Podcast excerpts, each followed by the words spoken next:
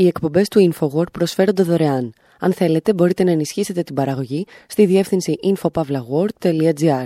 Η διεύθυνση infopavlagor.gr. Η εκπομπή InfoWord με τον Άρη Χατζηστεφάνου.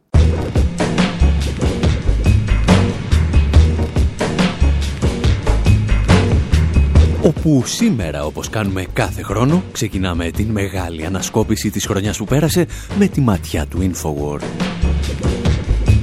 Είμαστε υπερήφανοι γιατί φέτος συμπληρώσαμε ως εκπομπή τα 300 podcast που είναι διαθέσιμα στο site μας.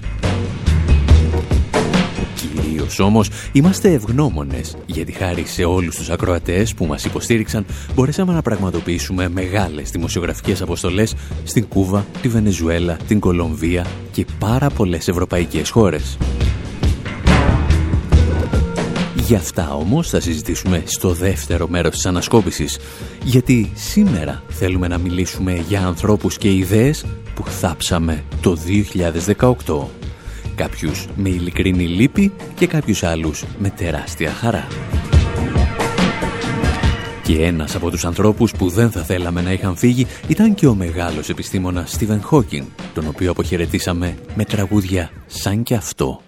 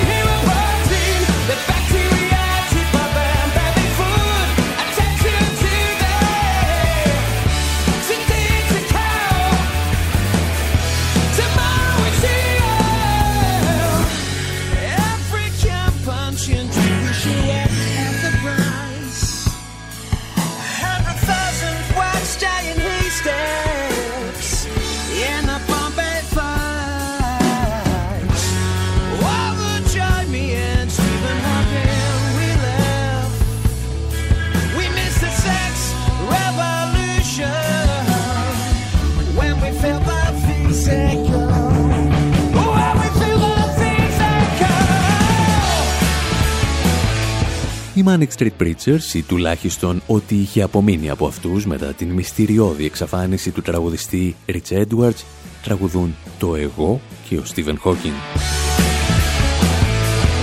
Οι στίχοι αναφέρονται στον Χέρμαν τον Ταύρο και την Τρέισι την Προβατίνα.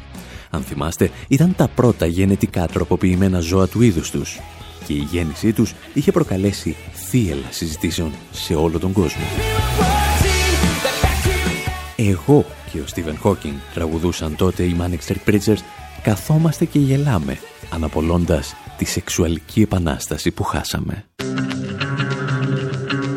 Αν και οι στίχοι αποτελούν εξίσου μεγάλο μυστήριο με την εξαφάνιση του τραγουδιστή του συγκροτήματος, η παρουσία του Στίβεν Χόκινγκ δεν πρέπει να θεωρείται τυχαία οι Manic Street Preachers τον χρειάζονταν δίπλα τους γιατί αναζητούσαν έναν επιστήμονα που μπορούσε να παρέμβει σε μια συζήτηση για πολιτικά και κοινωνικά προβλήματα με την ίδια ευκολία με την οποία μιλούσε για τη φυσική. Και ο Στίβεν Χόκινγκ ήταν πάνω απ' όλα ένας ενεργός πολίτης και ένας βαθύτατα πολιτικοποιημένος άνθρωπος. Τα εξηγούσε στον επικίδιο που έγραψε γι' αυτόν ο δημοσιογράφος Ben Norton. What is much less known about Hawking, however, is that he was also very politically active and held a variety of leftist views. Κάτι που είναι λιγότερο γνωστό για τον Χόκινγκ είναι ότι ήταν πολύ ενεργός πολιτικά και είχε αριστερές πεπιθήσεις. Μίλησε ανοιχτά ενάντια σε πολλούς πολέμους, καλούσε σε δράση ενάντια στην κλιματική αλλαγή και υπερασπιζόταν τα σοσιαλιστικά προγράμματα που συνεισφέρουν στην κοινωνική πρόοδο. Μάλιστα, με το τελευταίο του σχόλιο σε μια συνέντευξη στο Reddit, ο Χόκινγκ προειδοποιούσε για τους κινδύνους του καπιταλισμού και τις απεριόριστες ανισότητες που δημιουργεί. Όλοι θα μπορούν να απολαύσουν μια ζωή με πολυτελείς ανέσεις αν μοιραστεί ο πλούτο που παράγεται από τις μηχανές, έγραψε ο Χόκινγκ. Οι περισσότεροι άνθρωποι μπορεί να καταλήξουν εντελώς στοχοί αν οι κάτοικοι των μηχανών πιέσουν ενάντια στην αναδιανομή του πλούτου. miserably poor if the machine owners successfully lobby against wealth redistribution. Η διαφορά του Χόκινγκ με τους λεγόμενους λουδίτες επικριτές του καπιταλισμού είναι ότι έβλεπε την τεχνολογία σαν ένα εργαλείο για την απελευθέρωση του ανθρώπου. Το πρόβλημα ήταν το σύστημα παραγωγής και διανομής του πλούτου που παρήγαγαν αυτά τα εργαλεία.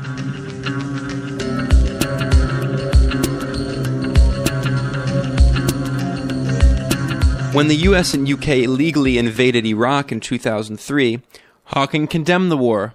At a peace demonstration in London in 2004, Όταν οι Ηνωμένες Πολιτείες και η Μεγάλη Βρετανία εισέβαλαν παράνομα στο Ιράκ το 2003, ο Χόκκιν καταδίκασε ξανά τον πόλεμο. Σε μια ειρηνική διαμαρτυρία στο Λονδίνο το 2004, χαρακτήρισε τον πόλεμο στο Ιράκ ως έγκλημα πολέμου που βασιζόταν σε ψέματα. Το 2013 ο Χόκκιν βγήκε και υποστήριξε το υποκοτά στο Ισραήλ στο όνομα των δικαιωμάτων των Παλαιστινίων. Παρά τις μαζικές αντιδράσεις και τη λασπολογία που ακολούθησε, εκείνος υπερασπίστηκε τη δικαιοσύνη.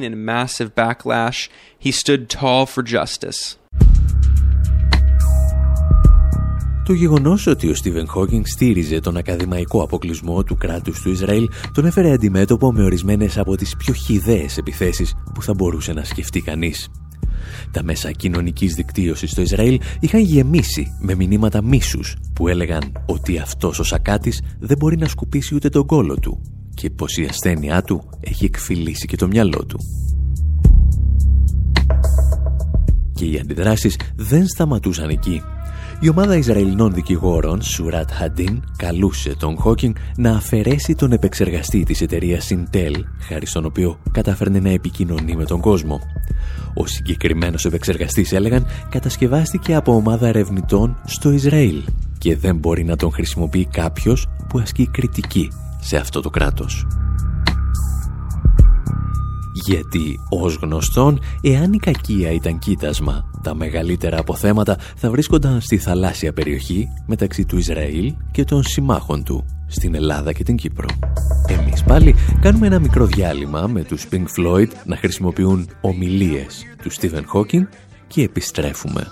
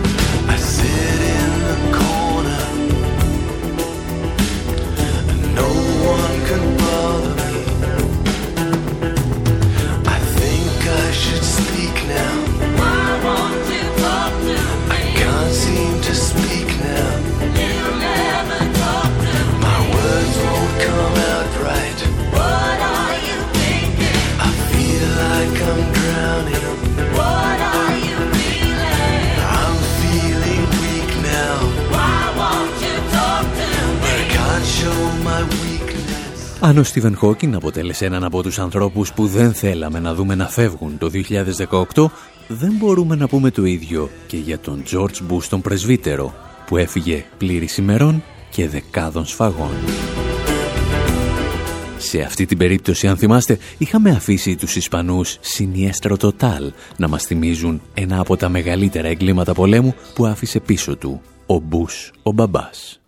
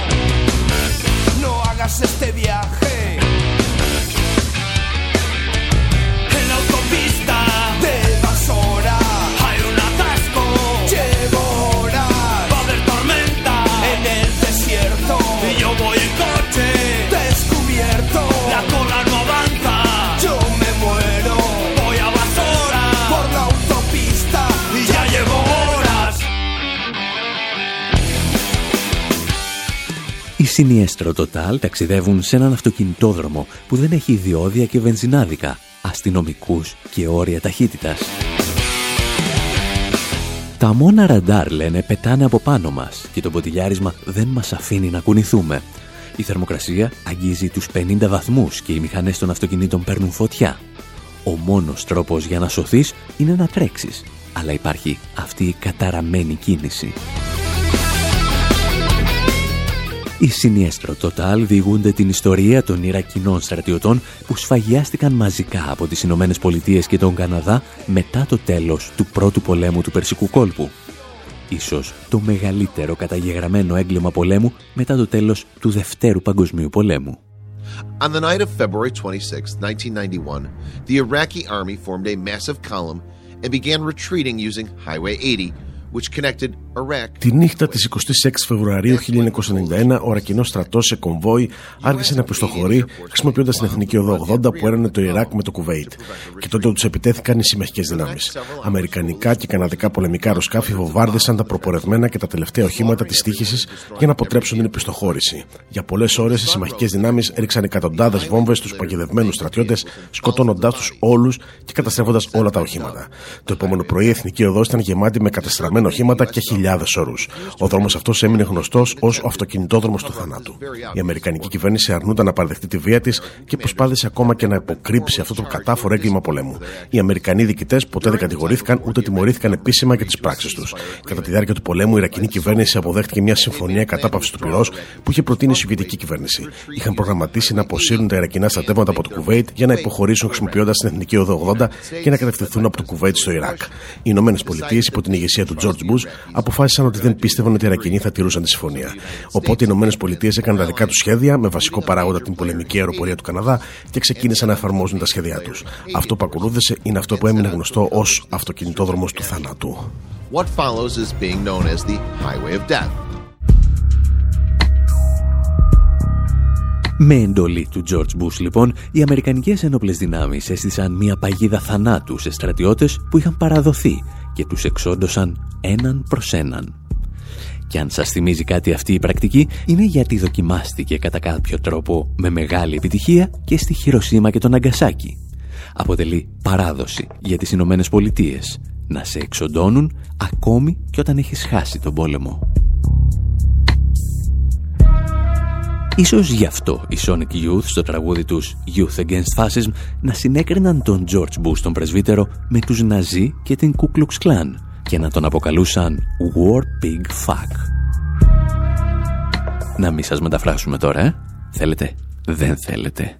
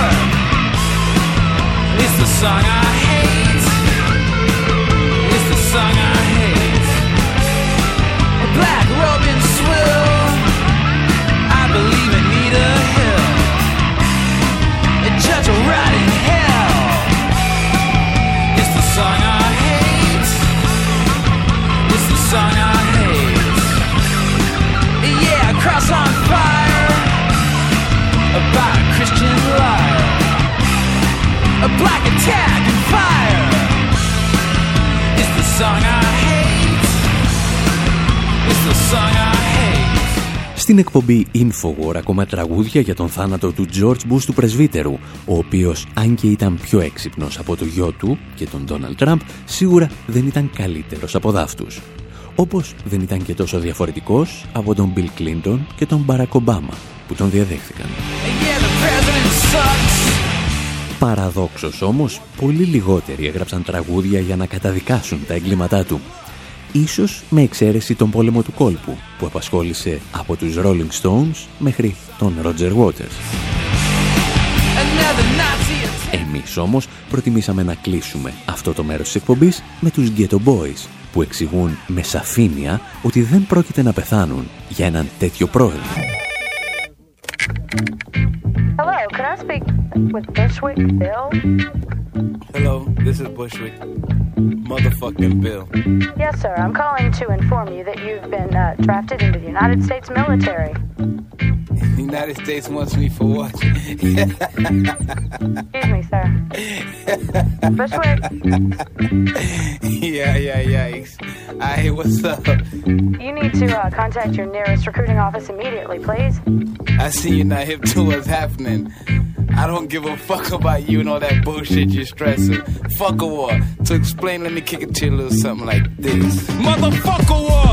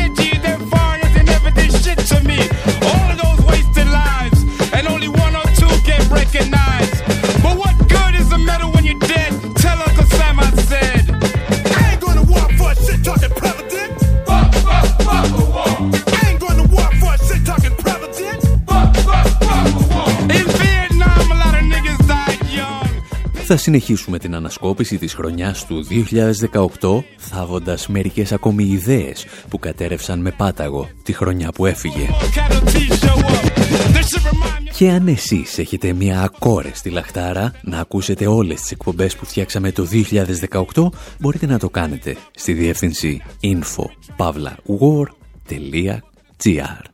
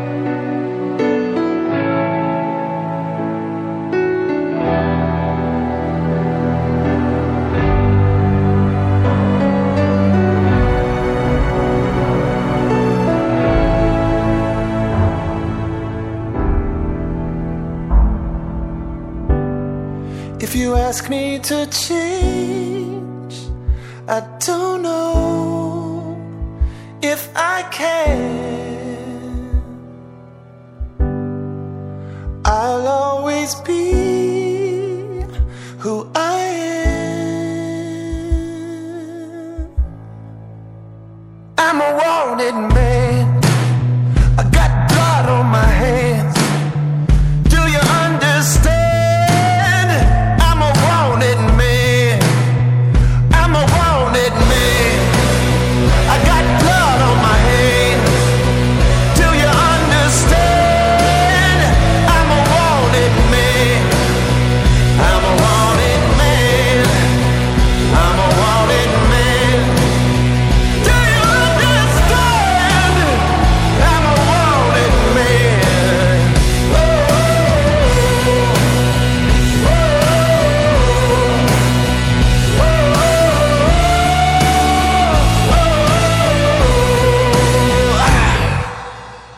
εκπομπές του InfoWord προσφέρονται δωρεάν. Αν θέλετε, μπορείτε να ενισχύσετε την παραγωγή στη διεύθυνση infopavlagor.gr.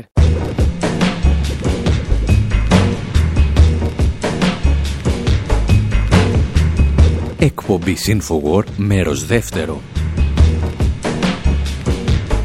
Όπου συνεχίζουμε την ετήσια ανασκόπηση των γεγονότων που εμείς θεωρήσαμε σημαντικά για τη χρονιά που φεύγει. Και αφού αποχαιρετήσαμε με θλίψη τον Στίβεν Χόκιν και λιγότερη θλίψη τον George Bush τον πρεσβύτερο, έχει έρθει η στιγμή να αποχαιρετήσουμε και ορισμένους ανθρώπους που συμβόλιζαν κάποιες ιδέες, οι οποίες ιδέες μας άφησαν χρόνους.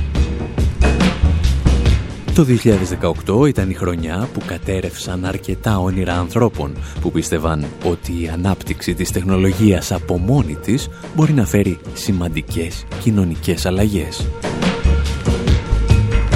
Το 2018 λοιπόν είδαν τα αγαπημένα τους κρυπτονομίσματα όπως το bitcoin να χάνουν την αξία τους και ορισμένες αυθεντίες όπως ο Elon Musk, δημιουργός των αυτοκινήτων Tesla, να χάνουν το κύρος τους. Και για αυτόν τον κύριο ακούγαμε αν θυμάστε κουβέντες και τραγούδια σαν και τα παρακάτω.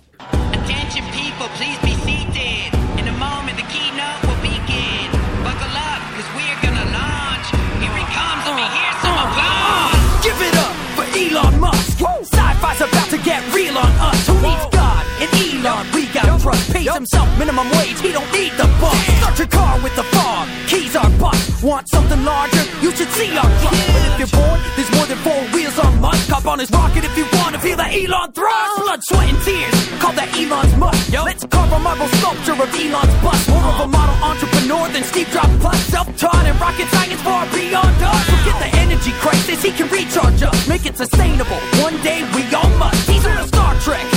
Scotty beam on out. But what's the deal with Neil Armstrong? He lost touch. Commercialized space, what a terrible thing. Space exploration is America's thing. But he's advancing humanity for when our planet is long gone. Sorry, your argument has weak legs, Armstrong. Musk is the future, you know it's true. You'll never bring him down, he's so over the moon. Real talk, what planet is Neil on?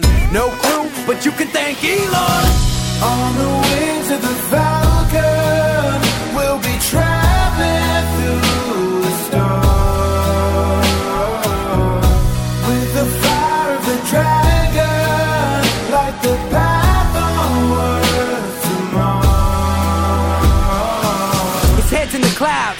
an ozone. You're in his house now. Wipe off your toes, bro. Carbon footprints are a no-no. Oh, the oil companies are gassed out. They're running so low.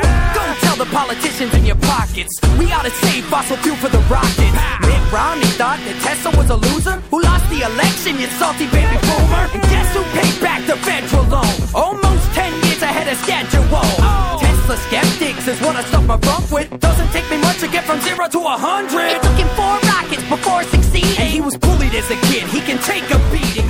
Αν και το τραγούδι θα μπορούσε να χαρακτηριστεί επίοικος απαράδεκτο, περιλαμβάνει τεράστιο όγκο πληροφοριών για τη ζωή του Elon Musk.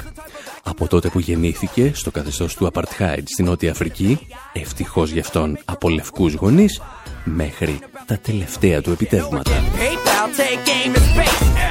Και μεταξύ αυτών ακούμε για τη δημιουργία της εταιρείας που θα εξελιχθεί στο γνωστό μας PayPal, για τα ηλεκτρικά αυτοκίνητα της Tesla, τα προγράμματα τεχνητής νοημοσύνης και φυσικά τα σχέδιά του για τον επικισμό του πλανήτη Άρη.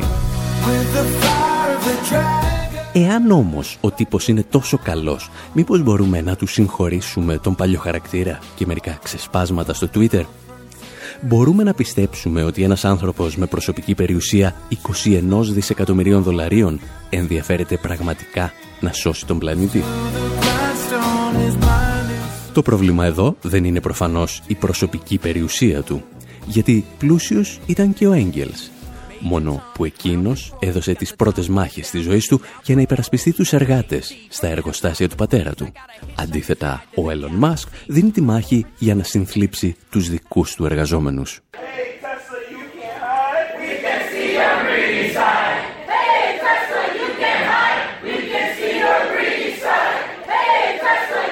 Εργαζόμενοι στα εργοστάσια της βιομηχανίας ηλεκτρικών αυτοκινήτων Τέσλα διαμαρτύρονται για τις συνθήκες εργασίας, φωνάζοντας το σύνθημα «Τέσλα, δεν μπορείς να κρυφτείς, βλέπουμε την άπλιστη πλευρά σου». Και αυτή η απληστία των ιδιοκτητών της Τέσλα ίσως να παραμείνει παρημιώδης για τις επόμενες δεκαετίες. Γιατί, όπως αποκάλυψε η εφημερίδα Guardian, στα εργοστάσια της Τέσλα οι εργαζόμενοι λιποθυμούν από υπερκόπωση, προκειμένου να πιάσουν τους στόχους που τους θέτει ο μεγάλος οραματιστής Elon Musk. Tesla factory workers in California are working so hard they're passing out on the production line, according to the Guardian newspaper. The lengths Tesla is willing to go to in order Εργάτες στο εργοστάσιο της Τέσλα στην Καλιφόρνια εργάζονται τόσο σκληρά που λιποθυμούν από την εξάντληση στη γραμμή παραγωγής, αναφέρει η εφημερίδα Guardian. Οι λιποθυμίες, σύμφωνα με την εφημερίδα, οφείλονται στις ώρες που αναγκάζονται να εργάζονται για να πετύχουν τους φιλόδοξους στόχους, σε συνάρτηση με την υπερηφάνεια που αισθάνονται παρά την εξάντληση. Από το 2014 έχουν γίνει τουλάχιστον 100 κλήσεις σε ασθενοφόρα. Τα περιστατικά που κατέληξαν στο νοσοκομείο αφορούσαν ζαλάδα και σπασμούς μαζί με άλλα συμπτώματα. Ο Elon Musk δήλωσε στην εφημερίδα ότι οι εργάτες δουλεύουν σε δύσκολες συνθήκες για πολλές ώρες. Ο ίδιος συμπλήρωσε ότι ενδιαφέρεται για την υγεία των υπαλλήλων του. Η Τέσλα ανακοίνωσε ότι η ασφάλεια έχει βελτιωθεί σημαντικά. deeply about the well-being of his employees. Tesla said its factory safety record has significantly improved. Συγκρατήστε αν θέλετε την πληροφορία ότι μεταξύ άλλων κάποιοι εργάτες αισθάνονται υπερήφανοι που εργάζονται σε ένα εργοστάσιο στο οποίο λιποθυμούν ή έχουν σπασμούς από την εξάντληση. Η αποκαθήλωση στα μάτια των θαυμαστών του, του Elon Musk, πιστεύουμε ότι είναι ένα από τα πλέον συμβολικά γεγονότα της χρονιάς που φεύγει και δείχνει ότι μισό αιώνα μετά το Μάη του 68 κάποιοι δεν λένε να καταλάβουν ότι το σύστημα δεν αλλάζει από μέσα αλλά μόνο απ' έξω. Μιλώντας όμως για εργοστάσια και για απάνθρωπες συνθήκες εργασίας, περνάμε και στο δεύτερο κατά την άποψή μας συμβολικότερο γεγονός του 2018. Στελέχη της Volkswagen πανηγύριζαν για το γεγονός ότι στην ηγεσία της Βραζιλίας, της ισχυρότερης δηλαδή οικονομίας της Νότιας Αμερικής, αναρχήθηκε ένας φασίστας, ο Ζαΐρ Μπολσονάρο. Και είχαν φυσικά κάθε λόγο να το κάνουν γιατί η Volkswagen στήριζε για δεκαετίες κάθε δικτατορικό και αυταρχικό καθεστώς στη Βραζιλία.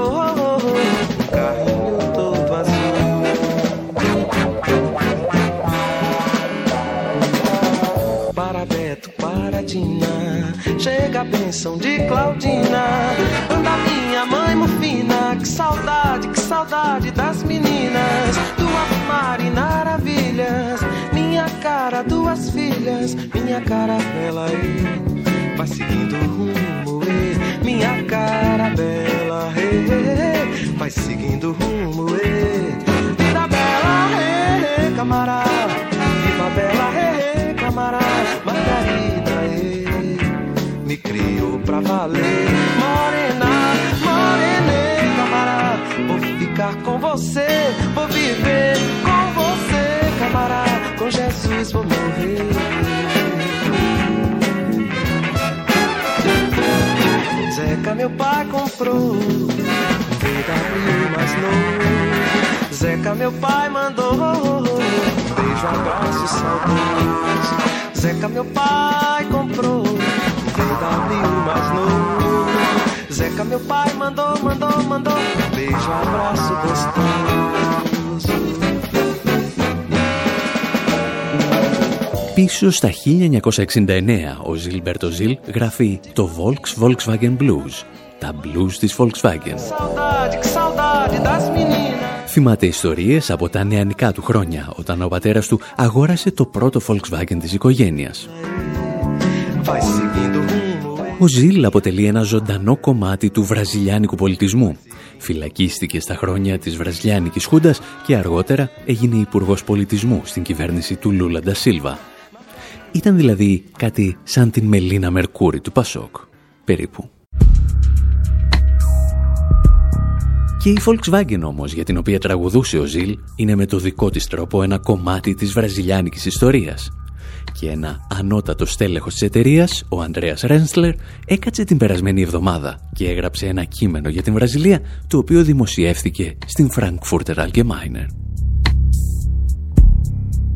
Στο κείμενο που είχε τον τίτλο «Όχι άλλα πειράματα στη Βραζιλία», ο Ρένσλερ μιλάει με θαυμασμό για τις νέες προοπτικές συνεργασίας που ανοίγονται μεταξύ της Γερμανίας και της Βραζιλίας, τώρα που εξελέγει πρόεδρος ο φασίστας Ζαΐρ Μπολσονάρο. Το φασίστας δεν το λέει αυτός, το λέμε εμείς. Οι κυβερνήσεις, έγραψε το ανώτατο στέλεχος της Volkswagen, δεν κρίνονται από τα λόγια, αλλά από τις πράξεις τους. Και γι' αυτό, συνέχισε, έχουμε πολλούς λόγους να αισθανόμαστε ασφαλείς. Οι πράξεις στις οποίες αναφέρεται ο Ρέντσλερ είναι το νεοφιλελεύθερο πρόγραμμα που θα εφαρμόσει ο νέος πρόεδρος της Βραζιλίας. Και για να το επιτύχει θα χρησιμοποιήσει ορισμένους από τους οικονομικούς συμβούλους του δικτάτορα Πινοσέτ, όπως τον Πάολο Γκουέντες από τη διαβόητη σχολή του Σικάγο. Αυτές είναι λοιπόν οι πράξεις, γιατί τα λόγια στα οποία σύμφωνα με το στέλεχος της Volkswagen δεν πρέπει να δίνουμε και τόση σημασία, είναι όσα λέει τα τελευταία χρόνια ο φασίστας πρόεδρος της Βραζιλίας. Δηλώσεις τις οποίες είχε αναλάβει να συγκεντρώσει το Russia Today.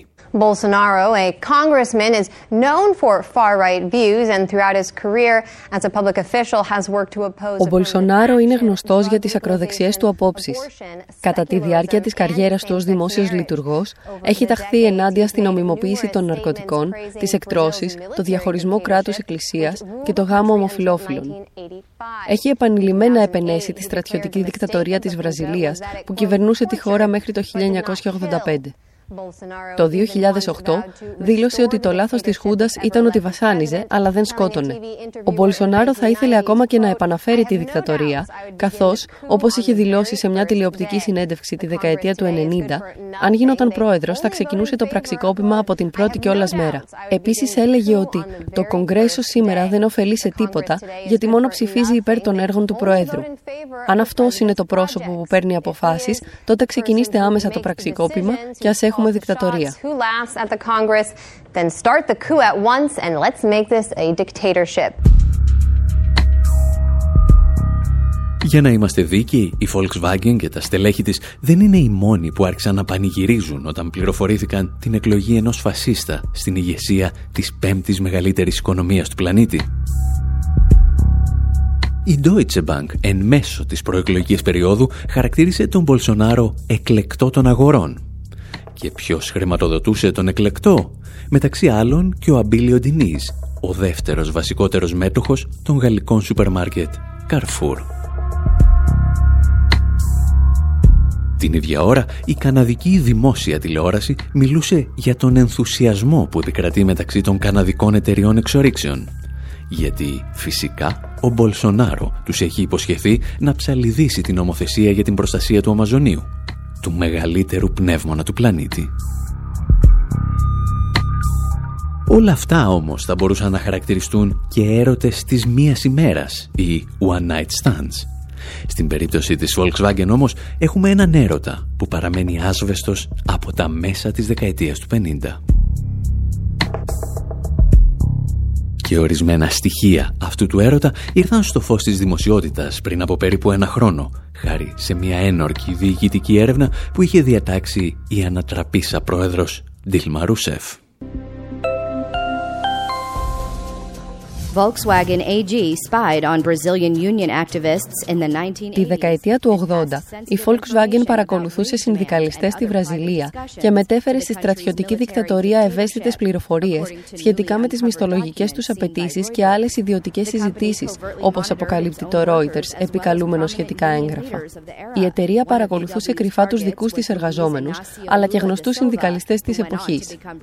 Ένας από τους στόχους της Volkswagen ήταν ο Λουίς Ινάσιο Λούλα Ντασίλβα, ο μετέπειτα πρόεδρος της Βραζιλίας από το 2003 ως το 2010, που παραμένει ακόμα και σήμερα ένας από τους πολιτικούς με τη μεγαλύτερη επιρροή. Τα έγγραφα ανακαλύφθηκαν πρόσφατα στα αρχεία της κυβέρνησης από ειδική επιτροπή που συστάθηκε από την πρόεδρο Ντίλμα Ρουσεφ και η οποία ερευνά τα περιστατικά κατάχρησης εξουσίας από το καθεστώς στο διάστημα 1964-1985.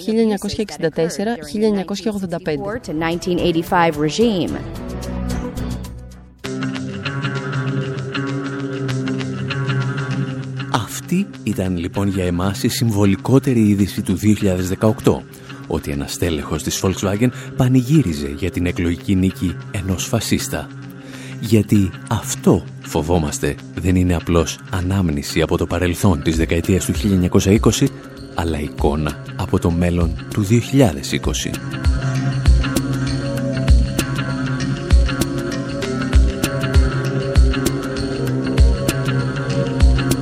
Ήταν λοιπόν το 2018 μια ακόμη κακή χρονιά στην οποία χάσαμε σημαντικούς ανθρώπους όπως ο Στίβεν Χόκινγκ και ζήσαμε την επανεμφάνιση του φασισμού και μάλιστα με τις πλάτες των ισχυρότερων οικονομικών ελίτ του πλανήτη.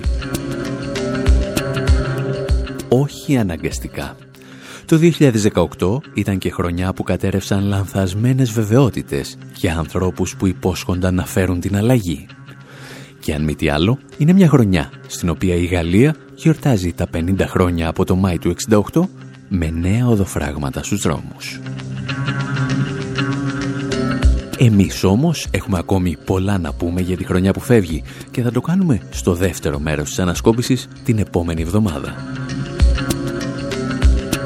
Να θυμάστε ότι μπορείτε να βρείτε δωρεάν όλες τις εκπομπές στη διεύθυνση info.pavlawar.gr να θυμάστε επίσης ότι όλες οι δημοσιογραφικές αποστολές του 2018 πραγματοποιήθηκαν αποκλειστικά χάρη στη δική σας ενίσχυση. Και γι' αυτό θέλουμε να σας πούμε ένα πολύ μεγάλο ευχαριστώ. Προς το παρόν πάντως, από τον Άρη Χατζηστεφάνου στο μικρόφωνο, την Μυρτώ Σιμεωνίδου σε μεταφράσεις και εκφωνήσεις και τον Δημήτρη Σταθόπουλο στην τεχνική επιμέλεια όλης της εκπομπής, γεια σας, χαρά σας και χρόνια πολλά σας. Charlie, I'm pregnant, living on 9th Street,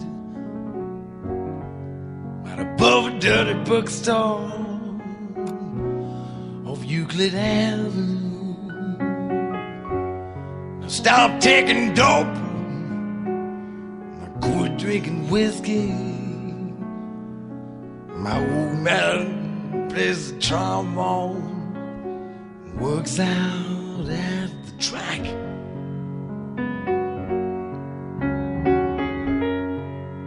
says that he loves me, even though it's not his baby.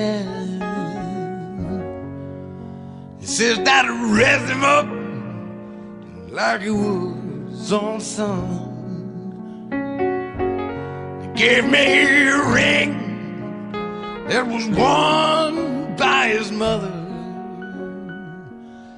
It takes me out dancing every Saturday night.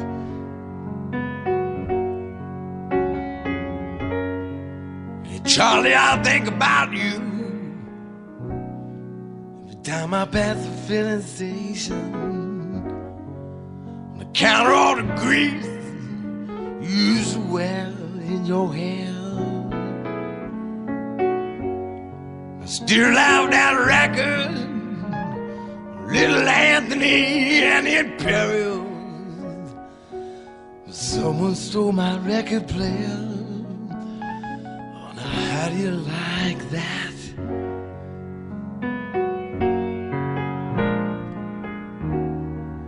Charlie, I almost went crazy after Mario got busted.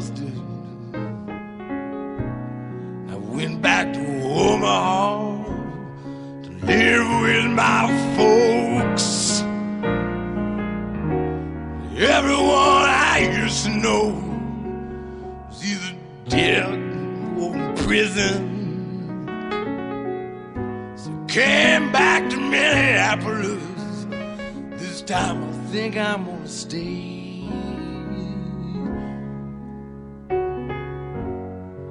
Charlie, I think I'm happy for the first time since my accident. I wish I had all the money we used to spend on dope. Buy me a used car lot, I wouldn't sell any of them. Just drive a different car every day, depending on I feel.